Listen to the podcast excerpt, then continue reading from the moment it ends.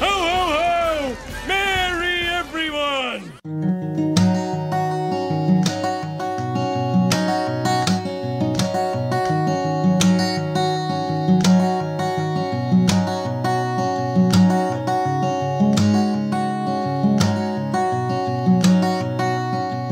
Ho, ho, ho och välkomna till Flaggpodden avsnitt 8. Per Fahlén heter jag och bredvid mig sitter David Björk, precis som vanligt. Det börjar bli tradition kan man säga. Ja, åttonde gången här så Ja. nu har vi tradition. Och traditionsrik högtid är det ju som eh, står i antågande då det här spelas in med endast 10 dagar före jul. ja. Och eh, känner du, har du någon julkänsla? Det är dåligt med det faktiskt. Jag tänkte vi skulle eh, höja den här några snäpp. Det är klart vi ska. Ja.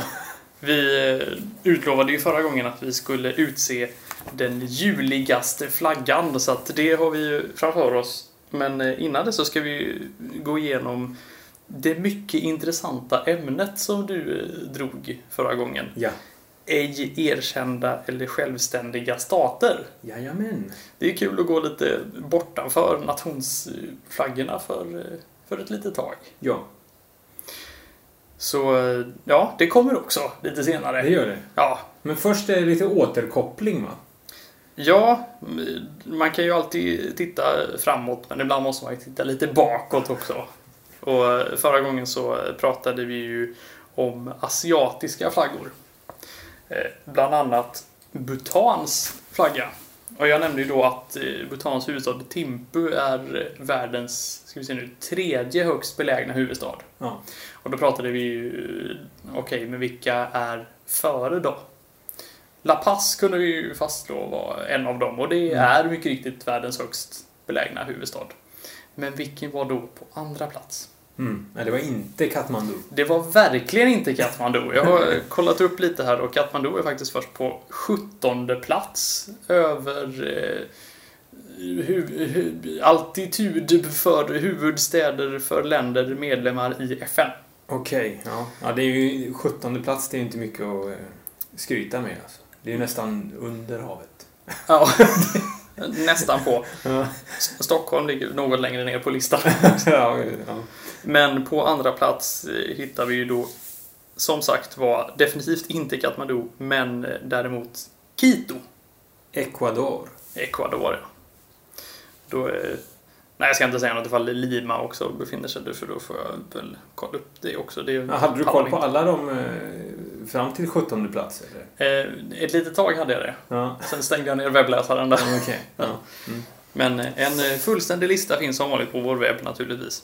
Kommer också delas ut till eh, samtligas eh, brevinkast. Av dig faktiskt, David. Det Alltså, jag. ja, ja, Ja, jag har ju utlovat en julklapp Ja, eh, förvisso. till dig och det, det är den. Ja, ja, jag har förvisso ett förflutet som brevbärare. Men...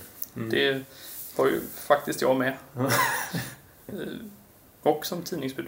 Ja, ja, stickspår. Men ja, så att nej, vi vet inte. Men nu vet vi i alla fall att världens näst högst belägna huvudstad är Quito.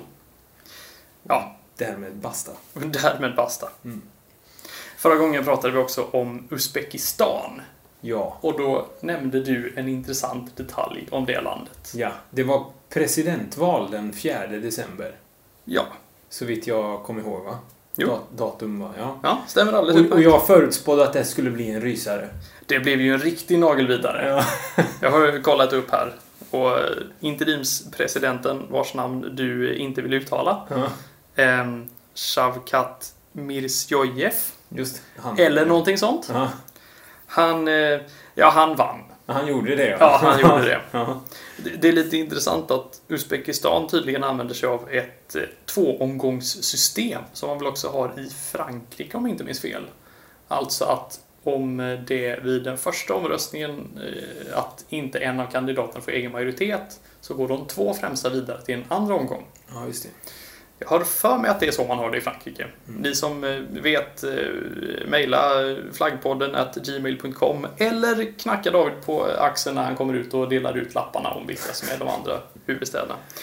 Men i alla fall, eh, i Uzbekistan så har man formellt det systemet. Ja. Jag tror inte det kommer användas nämnvärt. I praktiken någonsin. Nej, ungefär så.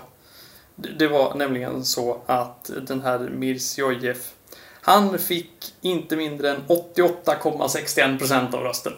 Ja, det är bra jobbat. Det är ändå något lägre än vad Islam Karimov, för han brukade ju tydligen vad jag kunde se få en bit över 90%. Ja. Mm. Så det här var ju ändå, oj oj oj. Fortsätter det så här så kanske det är nere på en 86 nästa gång. det, det var faktiskt ingen annan kandidat som fick över 4% av rösterna. Nej. 3,7-3,8 ungefär var två av dem. Det där så det var hyfsat jämnt om andra platsen faktiskt. Ja, ja, ja, precis. Mm. Och eh, ja, det goes without saying kanske att Mirziyoyev tillhör samma parti som Islam Karimov gjorde. Mm. Med det ironiska namnet Liberaldemokraterna. Mm. Det, ja. De, de gillar liberalism alltså i Uzbekistan, det kan man ju inte tro. Och demokrati också, det kan man verkligen inte tro. Jag läste också i The Economist, som vi kanske inte är känd för att vara så, eh, jag vet inte, ryssvänlig. Även om Uzbekistan ju inte är Ryssland, men nästan på. De skrädde i alla fall inte orden. De kallade det här valet för en ren bluff. Ja. Och man ersatte bara en stark man med en annan. Man var så illa tvungen. Ja, Karimov han gick ju och dog. Ja, tragiskt. Och då tydligen så var man tvungen att ha ett eh, ordinarie val tre månader efter dödsfallet. Mm. Och tydligen så är det så att Mirziyoyev också, för den som är intresserad, eh, ha- har något bättre relationer med Ryssland än vad eh, Karimov hade. Så. Och det tog Putin inte längre än 20 minuter efter att valresultatet blivit offentligt förrän han ringde och gratulerade. Och eh, en sak som kanske bidrog till eh, valresultatet kan ju vara det också att den statskontrollerade medieapparaten sa att alternativet till Mirziyoyev var eh, politiskt kaos eller islamistisk extremism. Ja. Och det är klart att man inte vill ha något av det. Nej, nej då, då hade jag nog också röstat på Mushu Mushu. Ja. Ja. Om inte annat så, eh, jag kan ju tänka mig att utlova stabilitet. Ja, jo, det, det, det blir ju per definition stabilt om Ja. man har en och samma. Ja, men eller hur? Ja, det är sant faktiskt. Ja. Mm. Mm. Bra. Stabilitet för Uzbekistan. Ja, lycka till med er nya president. En tredje sak vi var inne och petade på förra gången var ju det att vi skickat in förslag till vad som borde bli Pocatellos nya flagga. Det var vi inte ensamma om visade det sig. Det var vi inte. Ansökningstiden har eh, gått ut och inte mindre än 709 tror jag bidrag Mm. kom in tydligen. Mm. Så vi har fått, ska vi säga ett visst mått av konkurrens. Ja, precis. Bland annat från någon i Kivik. Ja, det kom tre förslag från Sverige, vilket gör oss till faktiskt det förslagsgladaste landet i hela Europa om man bortser från Storbritannien. Ja, Nämligen från oss båda och från en hittills i alla fall okänd person i Kivik. Om det skulle vara så att du råkar lyssna på det här, hör av dig för allt i världen. Vi är ju extremt nyfikna på hur ditt förslag såg ut och varför du ville skicka in. ja. Så eh, du i Kivik som skickade in flaggförslag till Pocatello, hör av dig till oss så får vi eh, prata lite mer över en kaffe och kanske sno din. Ja. Ja. ja. Nästa steg där är i alla fall att nu kommer de här 700 och vad det nu var bidragen som kommit in att presenteras för den kommitté som togs fram. Och de kommer i sin tur att eh, gå igenom dessa och välja ut vad de tycker är de bästa förslagen som sen kommer att presenteras för allmänheten. Mhm. Så vi eh, lär få all anledning att återkomma i ämnet. Och tydligen efter att det har presenterats och det har, man har samlat in vad folk tycker så kommer... Ja, då har ju, då har ju den här kommittén förbehållit sig rätten att eh, välja antingen den design som folk tycker bäst om eller göra någonting utifrån den designen. Mhm. Ja, vi får väl se vad som händer helt enkelt. Ja. Spännande ska det bli och se ifall eh, våra alternativ som ni kan se på flaggpodden.wordpress.com kommer att vara med. Men det är klart de kommer vara. Ja, ja, det är frågan är ju snarare vilka utöver dem kommer det att vara? Ja. Ja. Kommer den här Kiviks-figuren till exempel att få vara med på ett hörn eller inte? Ja. Det, Ja. det vet vi inte. Nej, Nej. Det, det, det märker vi. Mm. Men nog om förra avsnittet. Det här är ju ändå dagens avsnitt. Hittills. Ja. ja. Det är ju sista avsnittet före jul som vi har tangerat. Ja. Ja. Och vi ska prata om ej erkända eller självständiga stater. Jag tycker, vad är mer jul än det egentligen? ja. Ganska mycket kanske, men eh, Mm. så hade vi gjort. Ja. Och eh, ja, vem känner sig sugen att börja den här Ja, gången? ja, ja, jag kan ju börja. Du har ju pratat eh, så fruktansvärt mycket nu. så- Ja, det har jag faktiskt. Ja. Jag ber om ursäkt för alla Du som behöver- redan tröttnat på min röst. Du behöver andas lite känner jag. Ja, Så jag kör. var tyst en stund kanske. Ja. Eller bara lyssna. Bara ska- lyssna. Det är svår konst. Ja. Eh, jo, jag har valt att eh, inleda med Tibet. Vilket ju är en eh, icke erkänd stat, kan man säga. Och eh, eh, de har också en flagga som kallas för Snölejonflaggan. Och den användes för att representera Tibet mellan åren 1912 och 1951. Då eh, landet, inom citationstecken, var mer eller mindre självständigt beroende på vem man frågar. Eh, Mm. Men vi återkommer till det. Ja. Mm. Snölejonflaggan, eh, namnet där, anspelar på den vita triangeln som utgör flaggans nedre del och eh, pekar in mot mitten. Eh, och som då bland annat innehåller två vita lejon med grön man och grön svans. Gröna klor också om jag inte är helt fel ute. Och vid den här vita triangelns spets så finns det en gul sol. Eh, alltså mitt i flaggan då. Och utifrån den mot kanterna eh, i ett solfjädersmönster löper 12 fält. Där varannat fält är blått och varannat är rött. Och solen där i mitten har också 12 strålar. Eh, en stråle för varje färgfält. Eh, för att återgå till de två lejonen då, så håller de också en, eh, en juvel med ett yin och yang-mönster i eh, och en trefärgad brinnande ädelsten mellan sig. Och dessutom så är flaggan försedd med en guldfärgad kant som löper ut med den nedre, den vänstra och den övre kanten på flaggan. Eh,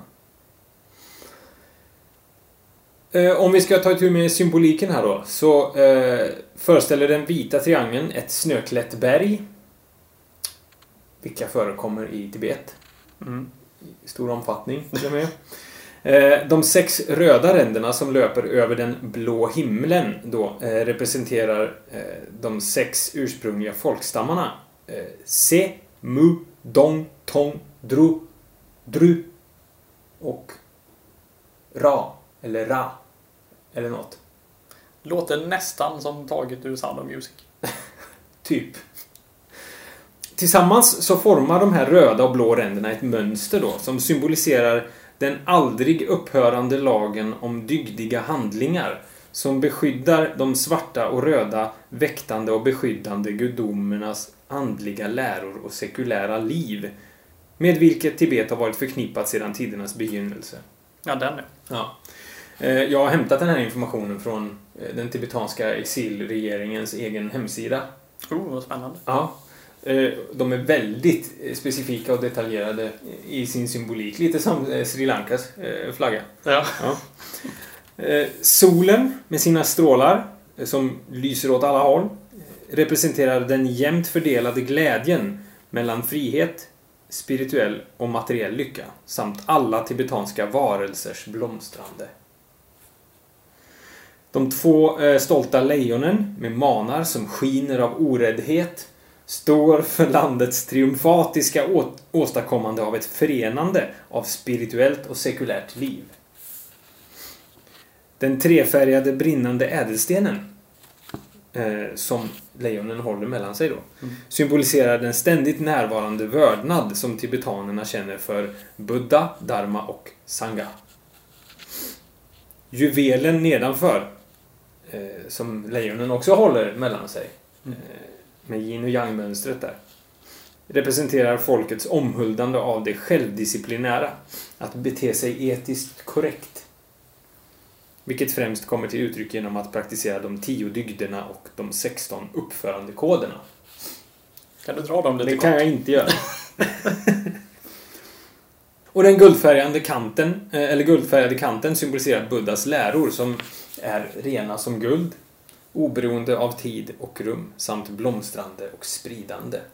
Det här är ju ursprungligen en eh, arméflagga eh, och antogs som Tibets officiella flagga 1916 under den trettonde Dalai Lama. Eh, den är sedan 1959 förbjuden av kinesiska myndigheter och utgör idag en symbol för den tibetanska frihetsrörelsen och dess exilregering. Tibets självständighet då har ju varit lite omdebatterad. Mm. Eh, Enligt det avtal som arbetades fram under förhandlingarna mellan Kina, Storbritannien och Tibet vid den så kallade Simla-konferensen eh, så skulle Tibet delas upp i inre och yttre Tibet. Detta ägde rum 1913 för övrigt.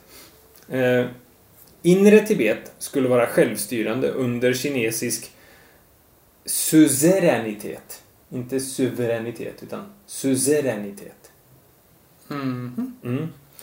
Eh, medan yttre Tibet skulle vara autonomt eh, enligt eh, den självständighetsförklaring som Tibet då redan hade utropat. Suzeränitet innebär att man har självständighet men man har en, en, eh, en makt som liksom över, över sig som sköter eh, de internationella förbindelserna. Ah. Ja. Så Kina skulle då sköta utrikespolitiken åt Tibet som i övrigt skulle vara självständigt. Okej. Ja. Eh, Det här området då, yttre Tibet, eh, var i princip identiskt med det som idag är den kinesiska autonoma regionen Tibet. Eh, Men eh, hela den här konferensen slutade med att Kina vägrade skriva under avtalet. Han har suttit där hela tiden, där till ingen nytta. Ja, ja, Ja, taskigt. ja. Eh, De var nämligen missnöjda med gränsdragningen mellan yttre Tibet och det då brittiskt styrda Indien. Aha. Mm. Eh, och detta... Vi ska vända blad. Föranledde att Tibet och Storbritannien skrev under själva med en bilaga som sa att Kina förvägrades alla privilegier som stod i avtalet. Eh, medan Kina eh, i sin tur då senare kom att hävda att avtalet aldrig var att betrakta som giltigt eftersom inte alla parter hade skrivit under. De menar därmed också att Tibet aldrig var självständigt och hade därigenom heller ingen rätt att förhandla om någon gränsdragning å Kinas vägnar. Eh, och detta gjorde i sin tur att Indien och Kina hamnade i krig med varandra 1962 över den här gränsen. Mm. Tio år efter det att Tibet definitivt åter hade införlivats i den kinesiska republiken. Mm. Eh, Då hade Kina redan hunnit slå ner ett tibetanskt uppror 1959. Eh, Och det var vid det upproret som Dalai Lama tvingades att fly till Indien. Och det är ju där den autonoma regionen Tibets exilregering fortfarande håller hus. Mm. Mm. Så... Jag vet inte. Jag var lite så inne på att vi, vi fick ju förra gången ett tips om att vi skulle lägga till som ämne utrotade stater. Ja, just det. Och då skulle ju Tibet kunna vara en sån. Fast om man frågar kineser så har Tibet aldrig funnits. Nej, precis. Ja, Ja. då Men- är, det- ja. Ja. Är, är det en av dem då, eller inte? Nej, jag vet inte, men det var därför jag tog med den idag. För jag tänkte att det är lika bra att slå till då. Ja, men det tycker jag. Ja. Varför vänta? Ja, exakt. Men eh, flaggan hur som helst. Eh, Ja, för den vill man ju inte missa möjlighet att kunna prata om. nej, För den är ju riktigt häftig. den är skitläcker. Verkligen. Det enda som är lite sådär... Eh, eh, som jag känner, om man ser den lite på håll så här. Eh, Så ser man ju inte de här vita snölejonen jättetydligt. Utan det ser, li- det ser lite ut som ett vitt berg med ogräs på, typ. Ungefär. Ja, jo, lite faktiskt. Ja. Och det är väl det enda som gör att den kanske liksom inte når eh, de riktigt höga höjderna. Rent funktionellt, om man säger så. Trots den bergiga geografin. Ja. Men det jag tycker är lite intressant är, du hittade ju massvis med symbolik och hejsan hoppsan. Men just det här att borden går längs tre kanter och det är inte de tre yttre om man ser från Ja. eh, flaggstången Ja. utan den vänstra kanten. ja. Det är ju jätteintressant. Det är väldigt intressant och jag försökte verkligen ta reda på varför men jag eh, hittade ingen bra förklaring till det. Vad synd. Tyckte Ja. man det var fränt kanske? Ja, men man, jag, fick, jag fick... Det stod någonstans någonting i stil med att liksom... Det skulle inte vara en kant på den änden av flaggan som liksom vajar längst ut. Därför att allt är väl eventuellt smuts eller damm liksom ska kunna blåsa av. Jag vet inte, alltså någon sorts, någon sorts symbolik av det slaget fattar jag det som. Men Ja. eh, om det här är liksom överensstämmande med sanningen eller det, det vet, vet, vet inte. Men jag tyckte det var eh, en konstig förklaring. Ja, spännande är det Ja. hur som helst. Om du som lyssnar råkar veta, hör av dig till oss och berätta hemskt Ja. gärna. För att det, det är ju liksom ingen fysisk kant som hindrar damm och sånt att blåsa av. Ja, Det beror på hur man syr den här Ja, jo, förvisso. borden. Mm. Men du, hur många stjärnor blev det då? Kom Ja, vi fram till det? ja eh, jag är väl benägen att eh, skicka dit nio. Mm. Nio usbekiska stjärnor tycker jag. Det är, det är liksom som sagt var betyget dras ner något av, av detaljrikedomen som kanske är lite för detaljerad. För att man ska liksom på håll kunna fatta vad det handlar om. Ja, eh, de tibetanska skolbarnen lär väl få rita kinesiska flaggor eh, troligtvis i skolan. Det får de definitivt Och den är ju betydligt enklare. Ja, Även om det har vi ju eh, märkt och väl pratat om tidigare också. Att det går att fucka upp den också. definitivt. Det går att få upp alla flaggor. Ja, faktiskt. Ja. Ja, men jag, jag är böjd då att hålla med där. Framförallt så är ju rött och blått i kombination väldigt vackert. ja. Visst, Bra, men tack så mycket. säger en öjsare. Ja. Väldigt förstått. Eh, Jag har eh, nästa eh, område. Mm. Det befinner sig lite närmare hemma än vad Tibet gör. Jämtland.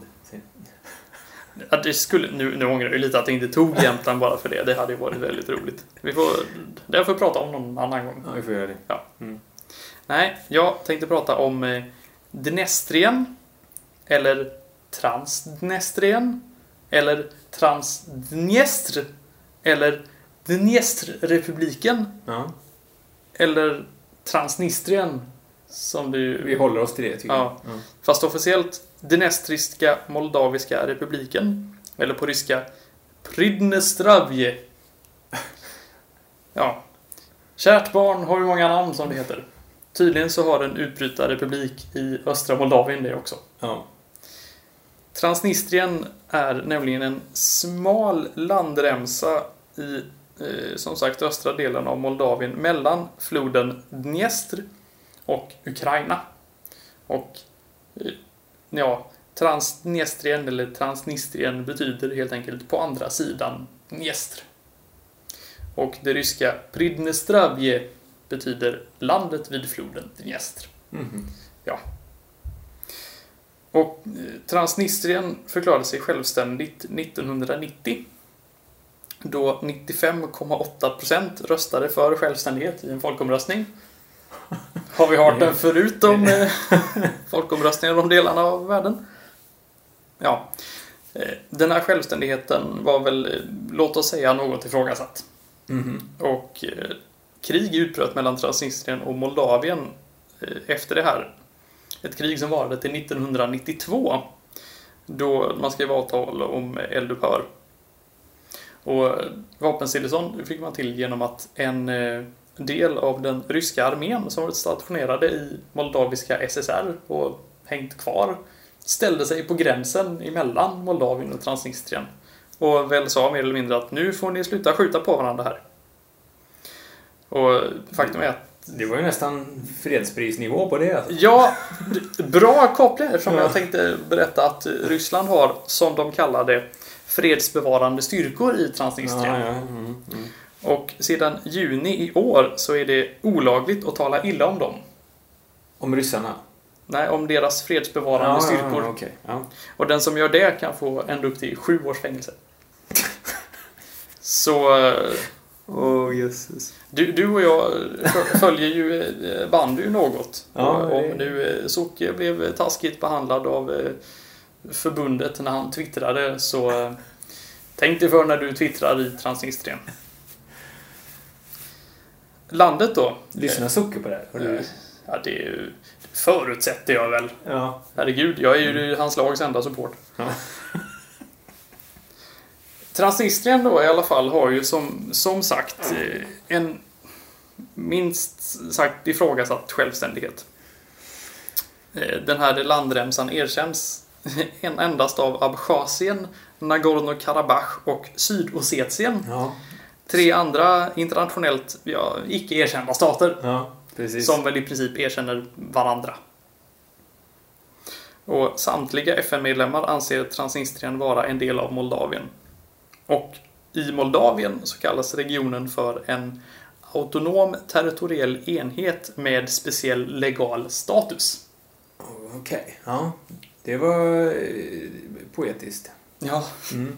Ja, alltså det är ju stora, nästan hela, det är ju de facto självstyrande. Alltså, så, Mm. I princip självständigt. Mm. För att Moldavien har inte kontroll. Nej. Så. Det är de fredsbevarande styrkorna som har kontroll. Ja, men exakt. Ja. Huvudstad är eh, Tiraspol. Hemort för en av Moldaviens mest framgångsrika fotbollsklubbar.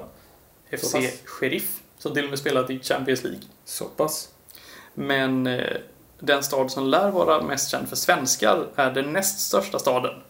Kan du gissa vilken det är? Poltava? Nej, Nej. men Bender faktiskt. Var det... Jaha, så pass. Ja, okej. Ja. Där Karl XII var och hade kalabalik. Då det ju var en del av det Ottomanska Ottomanska riket. Ja. Flaggan då, i Transnistrien. Den är identisk med moldaviska SSRs flagga. Och det sägs vara så att eh, när Moldavien blev självständigt så var det folk i den här delen som till stor del består av etniska ryssar som inte ville vara Moldavien utan fortsatte att vaja med den sovjetiska flaggan. Mm. Flaggan är, ja vi har ju varit inne på Sovjetflaggor förut. Mm. Den här är ju då delad i tre horisontella fält. Rött, grönt och rött igen. Det gröna fältet är inte fullt en tredjedel av eh, flaggans totala höjd. Uppe till vänster finns då hammare och skära i guld. Mhm. Men det finns också en variant på den transnistriska flaggan utan hammare och skära. Och riksvapnet, det är även det precis likadant som det moldaviska SSR hade. Så när som på att det inte står moldaviska SSR på det längre då, utan eh, ska vi se, vad var det nu då? Dniestriska moldaviska republiken. Mhm. Ja. Det här låter ju som ett land som liksom fortfarande skulle köra vänstertrafik om de fick välja eh, här i Sverige. Liksom. Lite så. Ja. Ja. Tänk dig ungefär, jag, jag skulle kunna tippa att ungefär Öland vill inte gå över eller någonting sånt. Ja, ja, precis. Men det, det verkar som att skälet till att man använder flaggan eh, mer är praktiska än ideologiska. Och det, jag har inte hittat några som helst indikationer på att Transnistrien skulle vara en uttalad socialistisk stat. Nej. Utan det var väl bara, ja men den här hade vi, ja men fint, bra, kör på den. Och det finns också flera symboler kvar som påminner om Sovjettiden. Bland annat en stor Lenin-staty utanför parlamentsbyggnaden i Tiraspol. Fräscht. Ja. Och som den uppmärksamma lyssnaren kanske redan har förstått så har Transnistrien hyfsat starka band till Ryssland. Mm, det låter så. Man har uttalat en önskan om att få bli en del av den ryska federationen, till exempel. Och kopplingen till Ryssland eh, visade sig hyfsat tydligt kan man säga 2009 då man tog fram ett förslag på en ny flagga. Den flaggan, gissa hur den ser ut? Ja, eh, som den ryska fast med någon, något tillägg kanske. Jag vet inte. exakt som den ryska. Fast den är i proportionerna 1 till 2 Okej. istället. Ja. Så, ja. Mm. Om nu Transnistrien blir en del av Ryssland eller inte, det återstår att se. Det låter ju som ett steg i den riktningen, kan man säga. Eh, ja. Ja. Men alltså, en, en grej som, som jag sitter och funderar över här är ju eh, exakt hur mycket yta är det vi diskuterar här egentligen? Vi pratar eh, ändå en yta stor ungefär som Gotland. Okej, ja. Så det, det är väl ändå en eh, försvarlig mängd land. Värd att försvara. Det, det, det är inte Vatikanstatens storlek på det här i alla fall. Utan Nej. det, Nej. det, får en, det får ändå plats lite eh, träd och grenar och ja, annat Ja. bjäfs som man har i länder. Ja. Så att så är det. Okej. Det var Pridnestravje. Mm. Spasiba. Хорошо. Ja. Och därmed över till, eh, raskt över till nästa icke-erkända stat. ja, vi tar eh, ett sjumila kliv kan man säga.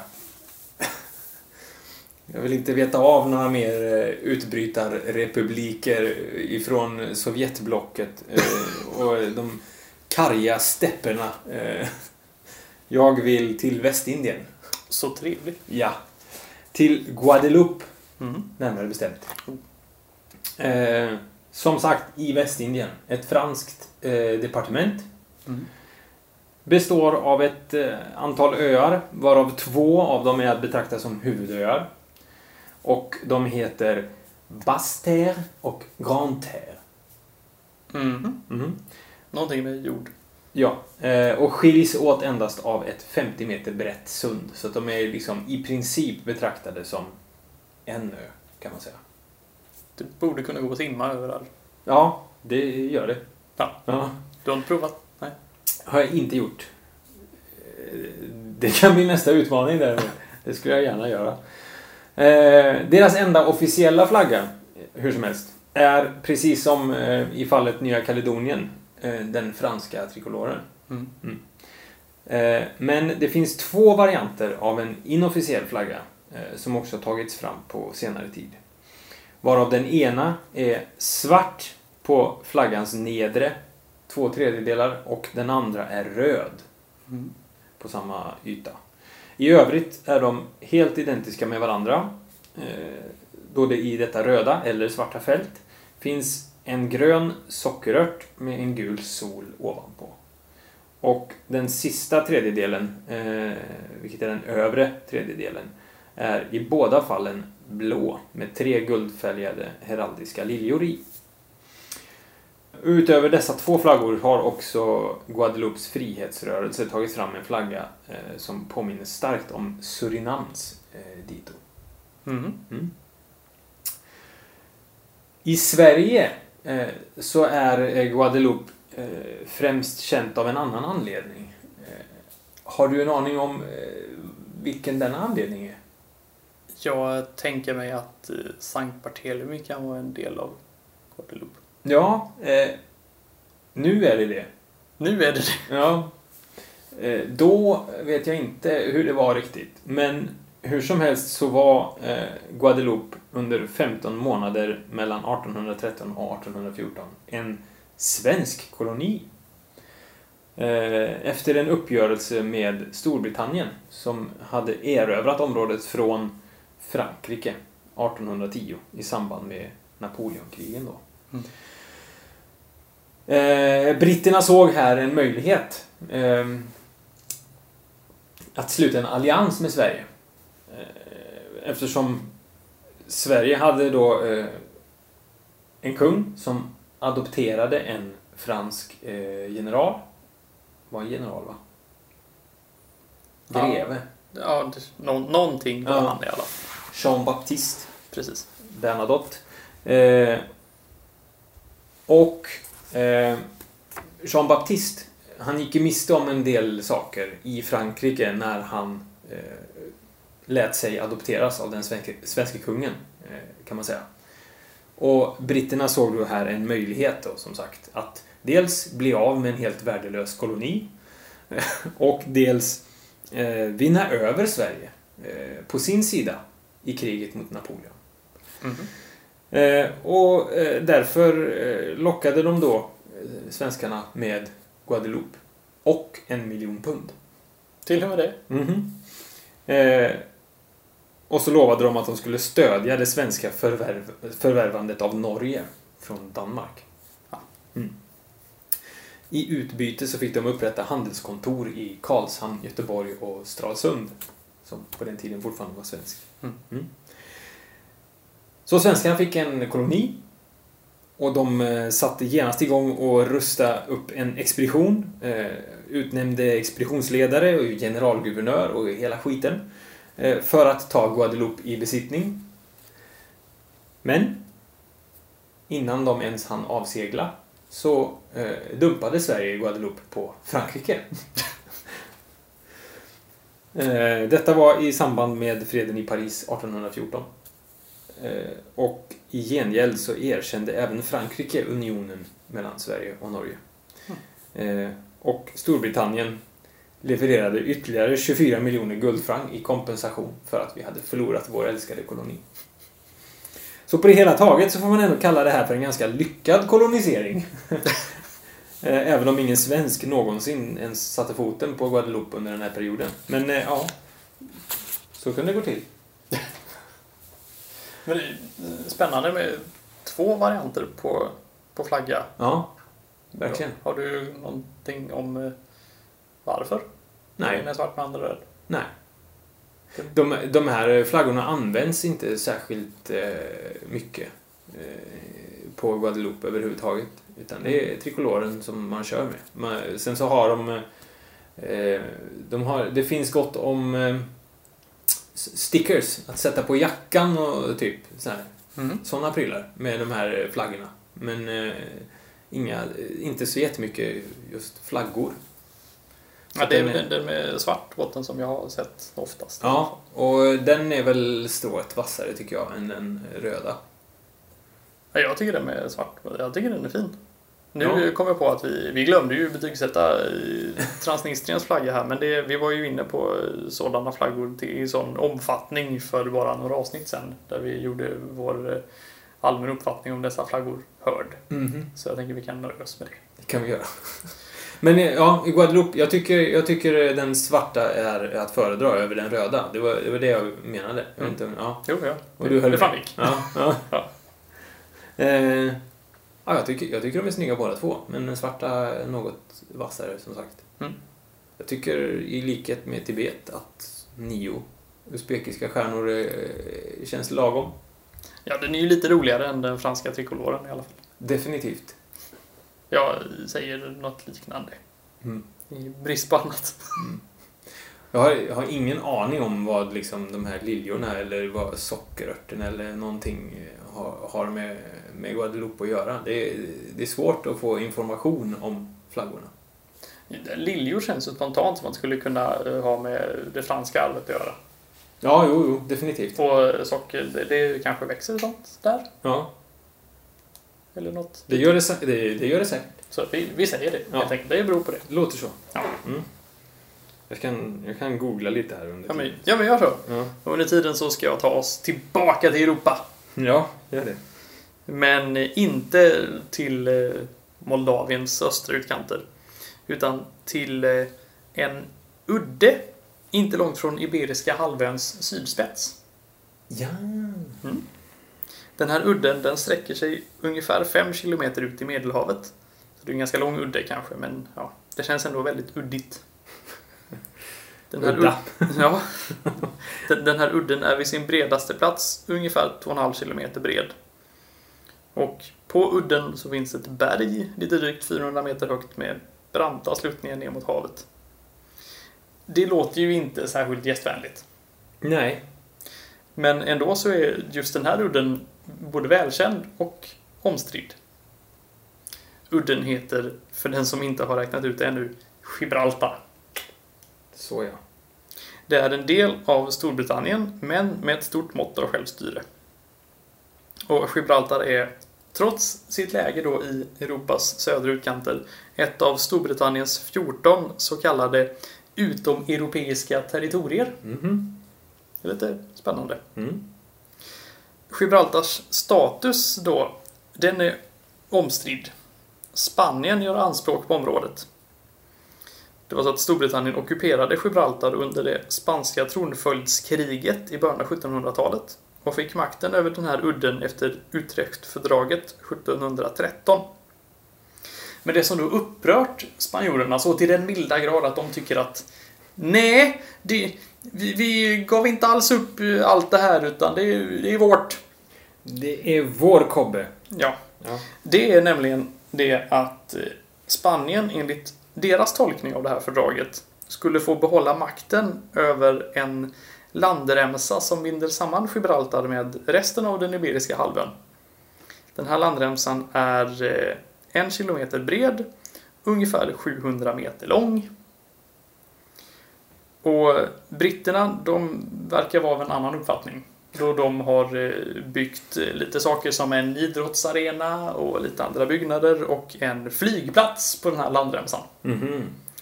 Men eh, flygplatsen får bara plats till ungefär hälften och andra halvan är byggd ut i vattnet. Så en landremsa där det inte ens får plats en landningsbana gör att Spanien hävdar att Gibraltar är deras. Den kan du eh, Moget. tänka lite på när du käkar julmat om eh, ett par veckor. Eh, Vad jag kan se så har Storbritannien tidigare öppnat för någon sorts gemensamt styre med Spanien över Gibraltar. Det var ju generöst. Men det har Gibraltarborna vid upprepade tillfällen sagt definitivt nej till. Vid en folkomröstning 2002 så var det 98% som sa nej. Och det har gjort att Storbritannien har backat och har sagt att nej, vi tänker inte pusha för någon sorts gemensam lösning såvida inte Gibraltarborna själva vill.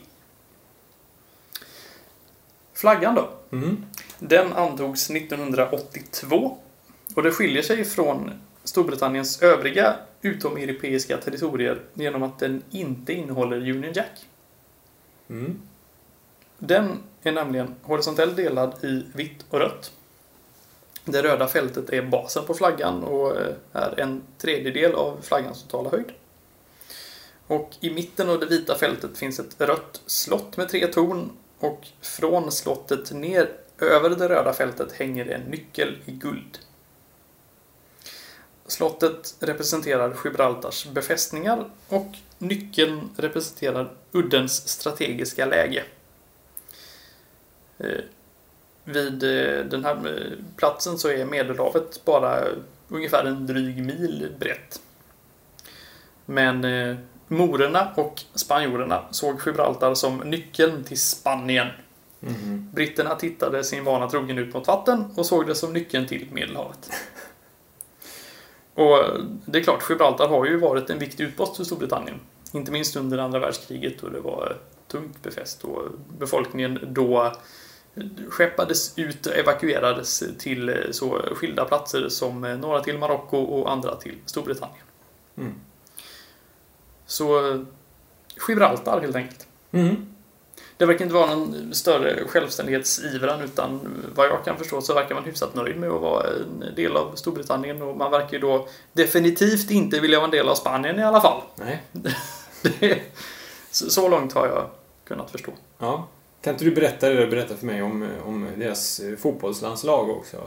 Alltså de har ju... De är med och kvalar nu till fotbolls-VM. Ja, Gibraltar har ju lyckats eh, bli medlemmar i Uefa och följaktligen också i Fifa och får ju vara med och kvala till diverse fotbollstävlingar. Men eh, de har ju ingen arena i sitt eget territorium som är ti- tillräcklig för sådana landskamper Nej. Alls. Och i Spanien får de inte vara. De får väl inte ens möta Spanien vad jag har förstått. Nej. Utan de eh, kvalar helt enkelt i Portugal. Ja, Det är några mil hemifrån. det känns väl logiskt. Mycket. Mm. Jag tror inte att det är det som gör att det inte går så bra för dem. Nej. Men det är lite, Spanien är lite som, Spanien-Gibraltar är lite som förhållandet eh, Kina-Tibet kan man säga då. Alltså, det, Spanien är ju jävligt kinkiga när det kommer till att erkänna områden och eh, släppa någon som helst mark ifrån sig egentligen. Mm. Och det, kan man väl ändå förstå med tanke på att som vi tidigare har pratat om i den här eh, podden eh, Baskien till exempel vill ju ha en del självständighet. Katalonien lika så. Och skulle de få då kommer Galicien att följa på det och kanske att Andalusien vill och sen Valencia och sen så, Mm. sen så är det inte så mycket kvar. Nej. Så då tycker man väl istället att nej men då får väl ingen då. Fast just i det här fallet så verkar det ju mest vara bråk över små saker. Men har man inget viktigare för sig? Du, du letar fortfarande? Ja, jag letar fortfarande, men det går inte så bra. Nej, så Nej. då, då kan vi ju istället eh, gå in på vad vi tycker om Gibraltars flagga. Ja, Den är ju lite rolig. jag tycker den är fräck. Den sticker ut eh, lite från mängden så. Ja, det gör den. Och framförallt så är det ju extremt befriande med en koloni utan kolonialflagga. Faktiskt. Ja. Jag eh, tror att när vi kommer att dra... Jag är nästan hundra på att ämnet Union Jack finns med i den här lådan här för nästa ämne. Är det så? Och när vi kommer att dra den så kommer du att gråta en skvätt. Jag vet ju hur, hur led du är Man på börjar bli flaggan. lite trött på de här alltså, kolonialflaggorna. De, de, de, de återkommer ju hela tiden också. Det är ju någonting som verkligen har... Det har gått upp ett ljus för mig sen vi började den, med den här podden. Alltså, vi europeer, men framförallt britter, vi är ju hemska människor. Ja. Ja. Vi ska ju äga och erövra precis allting. Jajamän. Ja. Eller då deala lite med Guadeloupe. Ja. Som vi, som vi gör, the Swedish way. Ja.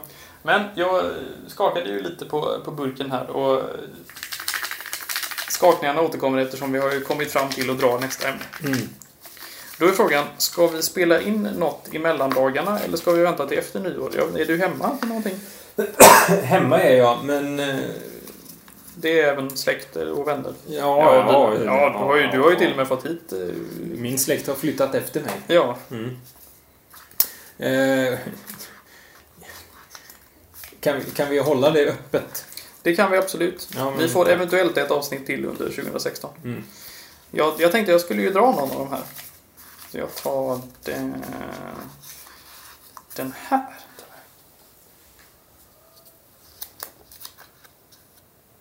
Ja. Ja.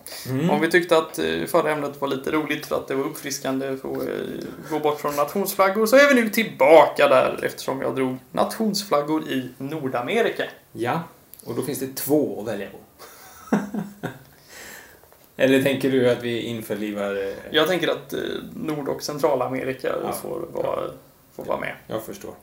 Det låter väl klokt. Ja. Ja. Och där finns ju en del eh, fräna flaggor att grotta ner sig i. Så det ska Mm. nog kunna bli något trevligt även om det. Eh, Definitivt. Bra, det var nästa ämne. Men vi har ju en hel del kvar av dagens ämne. Det har vi. Ni som trodde att vi snart var klara, vi har ju knappt ens börjat. Vi fick ju en utmaning Ja. som vi fick skjuta lite på. För att vi utmanar oss själva det så förnämligt. Ja, Ja. och då tänkte jag att vad bra, då köper man sig lite tid. Mm. Men det hjälpte ju föga. Ja. Vi, du, du kan väl berätta lite kort vad utmaningen eh, var här? Nu känner jag att jag har pratat jättemycket. Ja, nej men eh, din eh, sambo Malin, hon, hon uppmärksammade ju detta som återkommer när, när man ska forska i historieskrivning och så vidare. Att eh, det är inte så jättevanligt med kvinnliga flaggdesigners. Nej. Nej. Eh, och även om vi har uppmärksammat ett eh, par stycken här hittills så, så, så tyckte ju hon och vi att eh, det absolut var på sin plats eh, att försöka hitta några till. Ja, Ja. Så det var själva ut, utmaningen, att vi skulle hitta flaggor designade av kvinnor. mm. Mm. förhoppningsvis alla nationsflaggor designade av kvinnor. Ja. Och här, jag, jag tog ju på mig att söka med ljus och lykta i Asien och Europa. Mm. Och du fick resten av världen? Resten av världen. Ja. Eh, jag vet inte. Jag, eh, om, jag kan väl börja, eh, känner jag. För att jag har inte så mycket att berätta.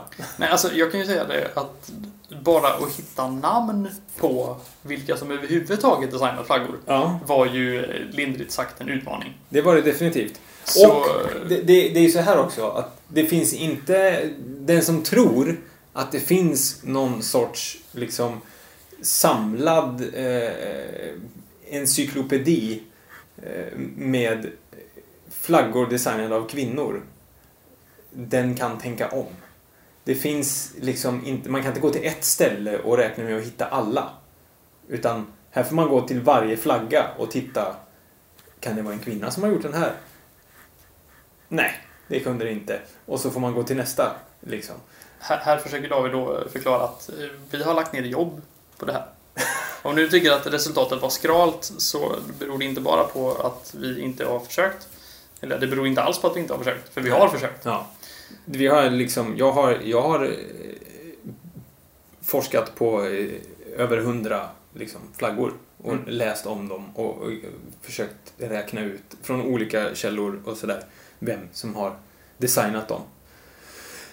Men jag kan ju säga, till att börja med så här i Europa så, så är ju det, precis som du säger, det är väldigt sällan som, som det finns en specifikt angiven designer. Men det, det, det beror ju ofta på att de är så fruktansvärt gamla så ingen vet riktigt varifrån de kommer.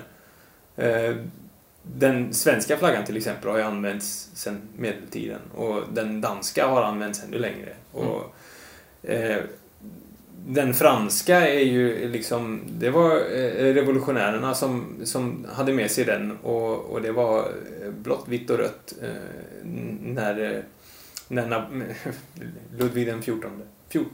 Fjort... vad säger jag rätt nu? Oj, det här får nästan klippas bort sen. Men om inte du kan verifiera att jag sa rätt. Men eh, ja, då var det, det var liksom uppror och folk hade med sig blåa, vita och röda flaggor och eh, vem som hade gjort de flaggorna, det är det är liksom vem bryr sig? så, och, och dessutom så är det de hämtas ju ofta liksom. För det, det, är liksom en, det börjar med ett uppror och då är det en grupp studenter och när de gör uppror då ska de ha med sig en flagga liksom. Och vilken ska vi ta? Men vi tar den här. Och vem har gjort denna? Jag vet inte, men vi tar den och den passar bra liksom. Och så går man ut och så viftar man med den där. Och sen så lyckas man åstadkomma någonting genom det här upproret och så får man ett helt nytt land och så har man den här flaggan och så, ja, vi tar den här flaggan och gör den till vårt lands flagga. Var kommer den ifrån? Jag vet fortfarande inte var den kommer ifrån, men vi kör på det liksom. Det är lite så det går till när man bestämmer flaggor i Europa, tydligen. Mm, det känns väl lite så. Ja. Så du, där hittade du ingen med andra ord. Jag hittar ingenting i Europa överhuvudtaget. Vad hittade du då? Du, Ja, men du hittat? det, det jag hittade var, jag dammsög ju Indien också som sagt. Eller Indien, Asien. Mm. Och där hittade jag Indien. Var det Där hittade du komma. Indien. Ja. I Asien ligger alltså Indien. ja. Då är det in, Indien som ska in på Mm. vågrätt 3. Om man kommer till Asien så är det ganska lätt att hitta Indien, för det är stort. Eh, Men eh, Indien har i alla fall en flagga. Eh, det och, den, ja, och den har utvecklats under en eh, ganska lång period och förekommit i ett flertal olika varianter. Eh, och den numera officiella flaggan brukar traditionellt tillskrivas en man som heter, hette Pingali Venkaya. Mhm. Eh, Men det verkar inte riktigt som att det är hela sanningen. Spännande. Mm. Eh, Det var nämligen så att en månad före Indiens självständighet 1947 eh, så såg flaggan ut ungefär som den gör idag. Eh, Och för er som inte vet det så är det en horisontell trikolor med saffransgult i det övre fältet, vitt i det mittersta och grönt i det nedersta fältet. Och sen så är det en blå eh, hjul, eh, ett blått hjul, en symbol. Jag kommer till det Ja. ja. i mitten. Eh, och ja, som sagt var, en månad före självständigheten 1947 såg flaggan ut ungefär som den gör idag.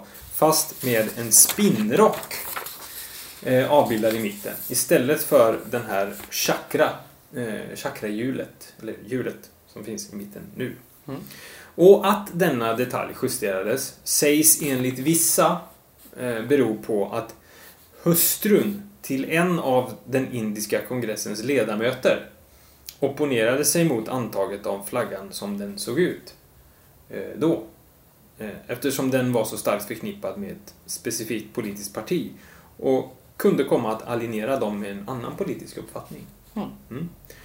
Eh, därför föreslog den här kvinnan då, Suraya Tajabji, att chakran skulle ersätta spinnrocken eftersom den var en gammal symbol för en kejsare som heter Ashoka som var en respekterad man. Både bland hinduer och muslimer. Mm. Och så här. Lite mer ja, allrådande kan man säga. Hon tänkte lite utanför boxen. Hon gjorde det. Eh, och det var ju det här med att män startar krig och att eh, kvinnor är lite mer eh, diplomatiska. Det, det, det underbygger hon ju verkligen det argumentet genom att agera på det sättet. Verkligen. Sen är det ju så här, eh, eftersom den här flaggan som sagt var har utformats under så pass lång tid och, och liksom ja, hur mycket sanning det är i det här eh, vem vet liksom. Men eh, det är ju en trevlig mysig historia. Ja, ja. verkligen. Och eh, jag tycker vi kan applådera den här kvinnan. Ja, Ja, verkligen. I övrigt kan jag säga så är eh, Asien lite generösare när det gäller att eh, namnge sina flaggdesigners. Men det, det beror ju på att de ofta har hittat sina flaggor betydligt senare än vad de europeiska länderna har gjort. Mm. Och de har varit koloniserade som sagt var av Storbritannien. av Storbritannien. och eh, Storbritannien och Storbritannien. Och, Ja. och så Frankrike och Storbritannien och så vidare. eh, och sen när, när de, de här olika länderna blivit av med sina kolonialmakter så har de tagit en ny flagga. Och det är betydligt enklare att eh, bokföra vem det är som har kommit på den. Precis. Och i många fall så är det också eh, man har tillsatt en kommitté som ska ta fram en ny flagga. Och då, då vet man ju inte riktigt vilka ingår i den här kommittén då. Eh, som var fallet till exempel i eh, ja, Filippinerna har jag för mig. Nej, inte Filippinerna. För det var en väldigt specifik snubbe som hade gjort den. Men eh, ja, det var en massa andra länder. Eh, så, så liksom så var det en massa kommittéer som satt och bestämde vad vi skulle ha för flagga. Och då kan man ju tänka sig att det ingick kanske någon kvinna i någon av de här kommittéerna i alla fall. Förhoppningsvis.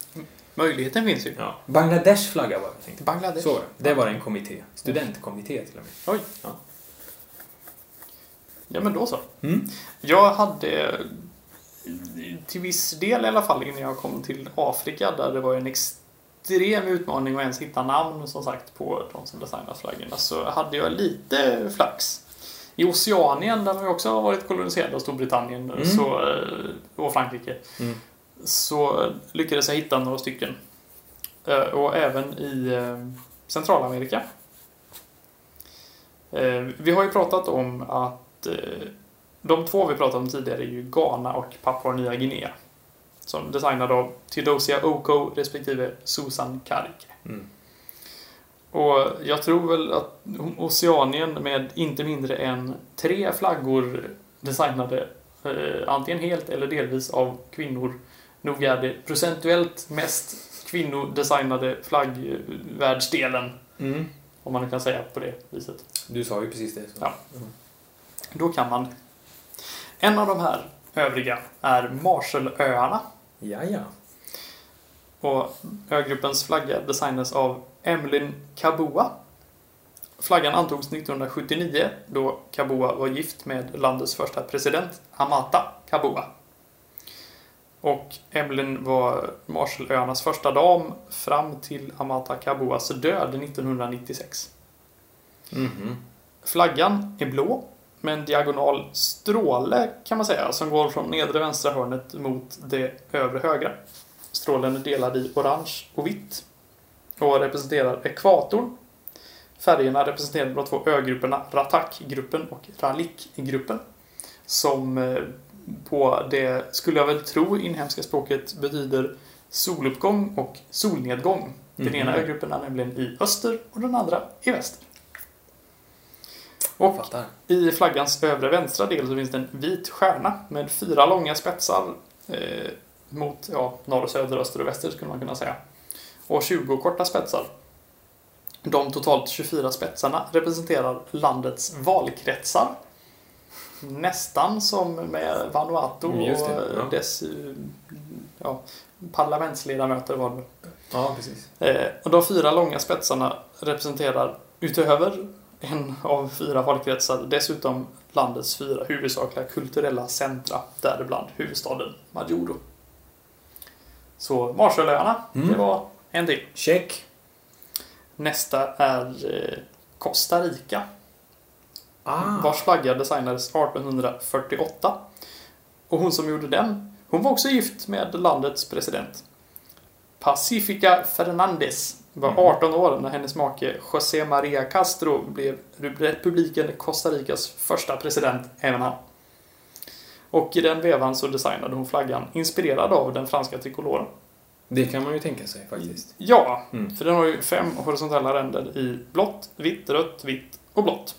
Just det. Och det röda fältet är dubbelt så högt som vart och ett av de övriga. Mm.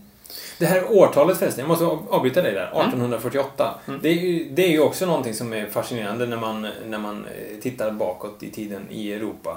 1848, då, då skulle alla göra revolt.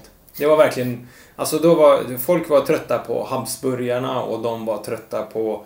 Ja men Rumänien, eh, det var ju revolt där också då, konstaterade vi i första avsnittet. Och det är liksom ungrare och alla skulle göra revolt. Och det var då liksom man plockade upp sina såna här slentrianmässigt förlagda flaggor och viftade med dem. Och sen, och sen det, är liksom, det här årtalet, det bara kommer tillbaks hela tiden. Skillnaden är ju då att i Costa Rica vet man som sagt vem det var som eh, gjorde den första. Ja, precis. Men det finns ju goda skäl till det kan man ju konstatera. När, Ja. om det är presidenthustrun som gör det så. Ja, ja Mm. precis. Eh, Och flaggan, den, den har inte exakt sett ut så här under hela alltså, det- Den har ju ändrats lite när man har ändrat på riksvapnet och så och bytt plats på dem. Men det som i grunden i alla fall var det som Pacifica Fernandez Mm. designade. När hon då var eh, 1920 någonting. Ja, Så bra gjort av henne. ja, verkligen. Den tredje jag hittade tillhör ett hyfsat stort land. Australien. Så pass. Mhm. Ja, det är en maktfaktor. Australiens flagga utsågs efter en tävling 1901. Mhm. Och tyckte du att Pocatello fick många förslag så är det ingenting emot de eh, närmare 33 000 bidrag som kom in i den här tävlingen. Ja. Jag ska inte säga vad jag tänkte, men... ja, fortsätt. Bidragen de eh, bedömdes enligt sju kriterier. Det var lojalitet till brittiska imperiet. Okej. Det var federation, historia, heraldik, särprägel, användbarhet och icke desto mindre viktigt tillverkningskostnad. Ja. De allra flesta bidragen eh, de hade med Union Jack och stjärnbilden Södra Korset. Som ju också är på landets flagga, alltså Ja. vinnande bidraget. Men eh, många bidrag hade inhemska djur på flaggan. Och ett av bidragen tydligen eh, avbildade ett antal inhemska djur som spelade cricket. Ja. Det är ju lite det här med djur som idrottar, det, och det återkommer lite eftersom det finns en eh, inofficiell eh, variant på som är väldigt populär i Australien som avbildar en känguru i gult på grönt och kängurun har boxhandskar på sig. Ja. Den är lite frän. Mm. Men i alla fall, åter till 1901. Eh, Domarna hade överläggningar i sex dagar innan tävlingsresultatet eh, presenterades. Och det var fem så gott som identiska förslag som valdes ut som vinnare. Och de här vinnarna fick dela på prissumman på 200 pund. Mhm. En av dem var konstnären Annie Dorrington från Perth. Annie Dorrington var mest känd för sina målningar av vildblommor. Och hon deltog faktiskt i den här flaggtävlingen under pseudonymen Ahasverus. Ah, det är det. Ahasverus. Ahasverus. Ahasverus. Prosit. Så så var det. Okej. Det var... Men alltså, det, det är ju... Det, ja, jag vet inte hur jag ska formulera mig. Men om begreppet mycket väsen för ingenting någonsin har kunnat användas så är det ju i det här fallet, ärligt talat, 33 000 bidrag, fem stycken som ser likadana ut och sex dagars överläggning innan man kommer fram till att den flaggan tar vi.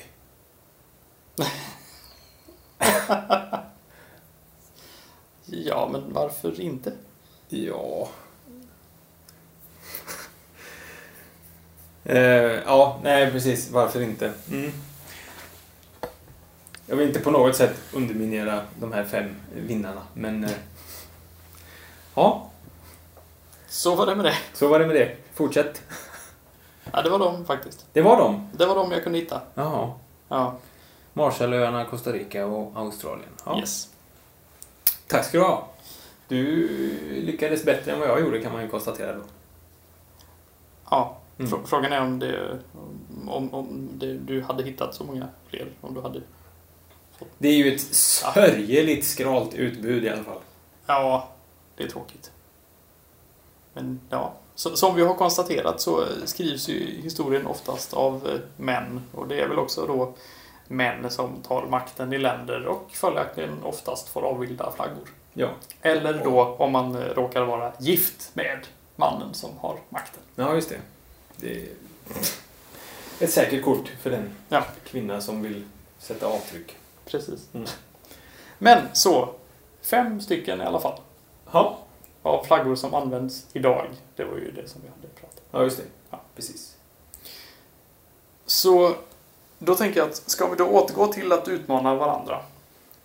Kör på bara. Ja, men jag tänker det. Jag har nämligen eh, ta, tagit fram en liten eh, trevlig utmaning till dig att räkna på under julen. Och du trodde du skulle få umgås med familj så ja, då får de se dig räkna. Mhm. Därför att jag vill nämligen att du tar reda på hur många nationsflaggor det finns som avbildar minst en stjärna. Det här är lite scary, för jag satt ju och tänkte på en exakt likadan utmaning till dig. Alltså? Ja, men eh, ja, ja, ja. Eh, Jag vill dessutom att du berättar nästa gång hur många stjärnor som sammanlagt finns på världens nationsflaggor. All right. Och eh, dessutom så vill jag att du berättar om din favorit av de här flaggorna. Okej. Och vilken av dem som du tycker av någon anledning inte borde ha antingen så många stjärnor eller någon stjärna överhuvudtaget. Ah, som ska berövas någon eller alla av sina stjärnor. Ja. Okej. Och jag tänker eh, att i, vi- i vissa avseenden så är det ju eh, lite frågetecken om vad är en stjärna, vad är en sol? En sol är ju en stjärna, så solar räknas också in. Okej. Det vill säga även till exempel Japans flagga. Ja, det har du rätt i. Det har jag inte tänkt på att det är ju en sol. Ja, jag svarat då i så fall. Ja, okej. ja, ja, men eh, det ska jag nog eh, lösa. Spontant så tänkte jag nog eh, mer mot Uruguay. Ja, Där fick du en. Ja, jag fattar. Mm. Men hur du tolkar det är upp till dig. Solar och stjärnor. Ja. Mm. Och innan vi lämnar er för den här gången med detta maratonavsnitt så här före jul så ska vi ju eh, göra någonting juligt. Yes. Vi ska utse den juligaste flaggan. Och vi har haft lite överläggningar fram och tillbaka du och jag. Mm. Eh, vilken är juligast? Så sent som idag så skickade jag till dig att Ja men du, Englands flagga skulle kunna se ut som ett paket inslaget med röda band. Mhm. Fast rosetten är väl då kanske på andra sidan eller någonting, jag, jag vet inte. Ja. Och då slog det mig att då kan man ju faktiskt i och för sig lite ovanligare att slå in paket på det sättet. Men då skulle ju till exempel Skottlands flagga också eh, kunna... Ja, just det. Ja. Men eh, ja, ja, det var ett bra förslag. Mm. Men vi hade några till va? Som kändes aningen vassare. Ja, alltså vi har ju vår återkommande favorit Libanon. Mm. Det är Grönt- inte en gran. träd Ja, det är och- inte en gran, men det ser ut som en. Ja, precis. Ja. Japan, julgranskula på snö. Inte en sol alltså. Nej. Lesotho nämnde ju du att... Ja, precis. Ja, men den har ju, det är en sorts stråhatt Ja. som avbildas på den flaggan. Med lite fantasi kan man se det som en tomtemössa, ungefär som den du har på huvudet. Ja, jag har en fin tomteluva på mig idag. Ja, fin och fin, jag vet inte. Ja, Okej, jag har en tomteluva på mig idag. Men eh, du eh, landade i alla fall i eh, Bangladesh. i Bangladesh. Ja. En eh, liksom röd julgranskula mot grön bakgrund. Jag tyckte det var... eh, Ja. Det var det, var det juligaste jag, kände jag. En kula upphängd i granen. Mm. Ja, Vad, jag, tänk, vad tänker du? jag tänker ju på den för den eh, vexillologinsatte kanske uppenbara Norfolköns flagga. Ja, jo. Den är ju eh, grön och vit. Den påminner om Nigerias flagga fast eh, det vita fältet i mitten är bredare än de gröna. Och i det vita fältet, mitt i snön, står en grön gran. Ja. Det är nämligen en rumsgran som enbart växer vilt på Norfolkön. Mhm. Och även om den här ön ligger i Stilla havet, öster om Australien och mellan Nya Zeeland och Nya Kaledonien, så är ju en grön gran på snö extremt juligt. Ja, jo, det är det. Jag håller med dig. Och det, men det märkliga är ju att julön, som antog en eh, flagga för ett gäng år sedan, den är nog en av de minst juliga flaggor jag sett i hela mitt liv. Ja, eh, jo, förvisso. Fast samtidigt så när man, när man tittar på den hastigt så här så tänker jag att eh, det, den, den har ju, den har ju liksom Ön är ju avbildad mitt i eh, flaggan. Och du menar att eftersom julans flagga avbildar julön så är den julig?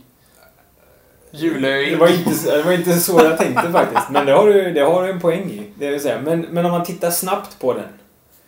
På den där eh, formen av ön mitt i flaggan så Mm. kan man liksom typ se det som att det, det ser ut lite som en mistel eller någonting. Ja, det kanske. Eller, en- ja. Men då får man titta jävligt snabbt. Ja, det är väldigt Ja. sant. Och sen hittar jag den här. Jag vet inte... Har du stött på den? Aldrig sett för. Det här är alltså eh, The Cascadian Flag. Och eh, Cascadia är ett område i nordvästra och sydvästra eh, nordvästra USA och sydvästra Kanada. Okej, det Ja. ser ut att vara typ British Columbia, och Washington, Oregon och något mer där uppe. Ja, typ så. Lite grann. Huh. Och eh, de har en flagga med ett träd på. Eh, jag tror inte att det är en gran, men eh, det är någon, någon form av träd. Det ser, ser ju lite juligt ut ändå. Det gör det ju faktiskt. Ja. Det tycker jag. Ja, ja den var ju rätt frän. Ja.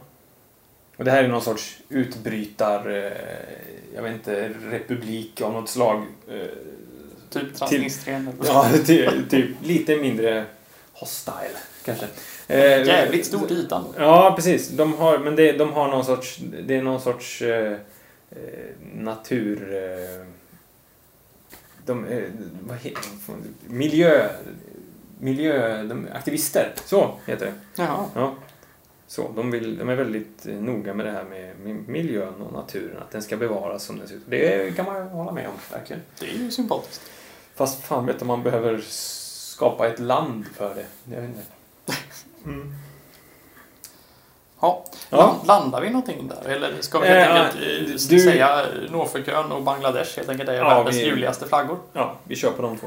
Det gör vi. Ja. Bra. Då var vi ju typ klara.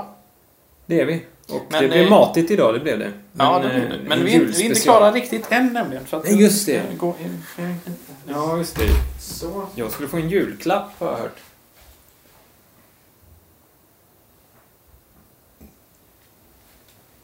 Jag har ju nämligen varit på sport här förstår du. Spännande. Ja, jag har varit på sport. Och då fick man Varsågod. God jul David! Tack. Så hjärtligt. Du får nästan ta en bild på det här och lägga upp på... Det, det ska vi göra. Ja. Bild på Davids julklapp eh, kommer Mm. på vår fina webb flaggpodden.wordpress.com. Ja.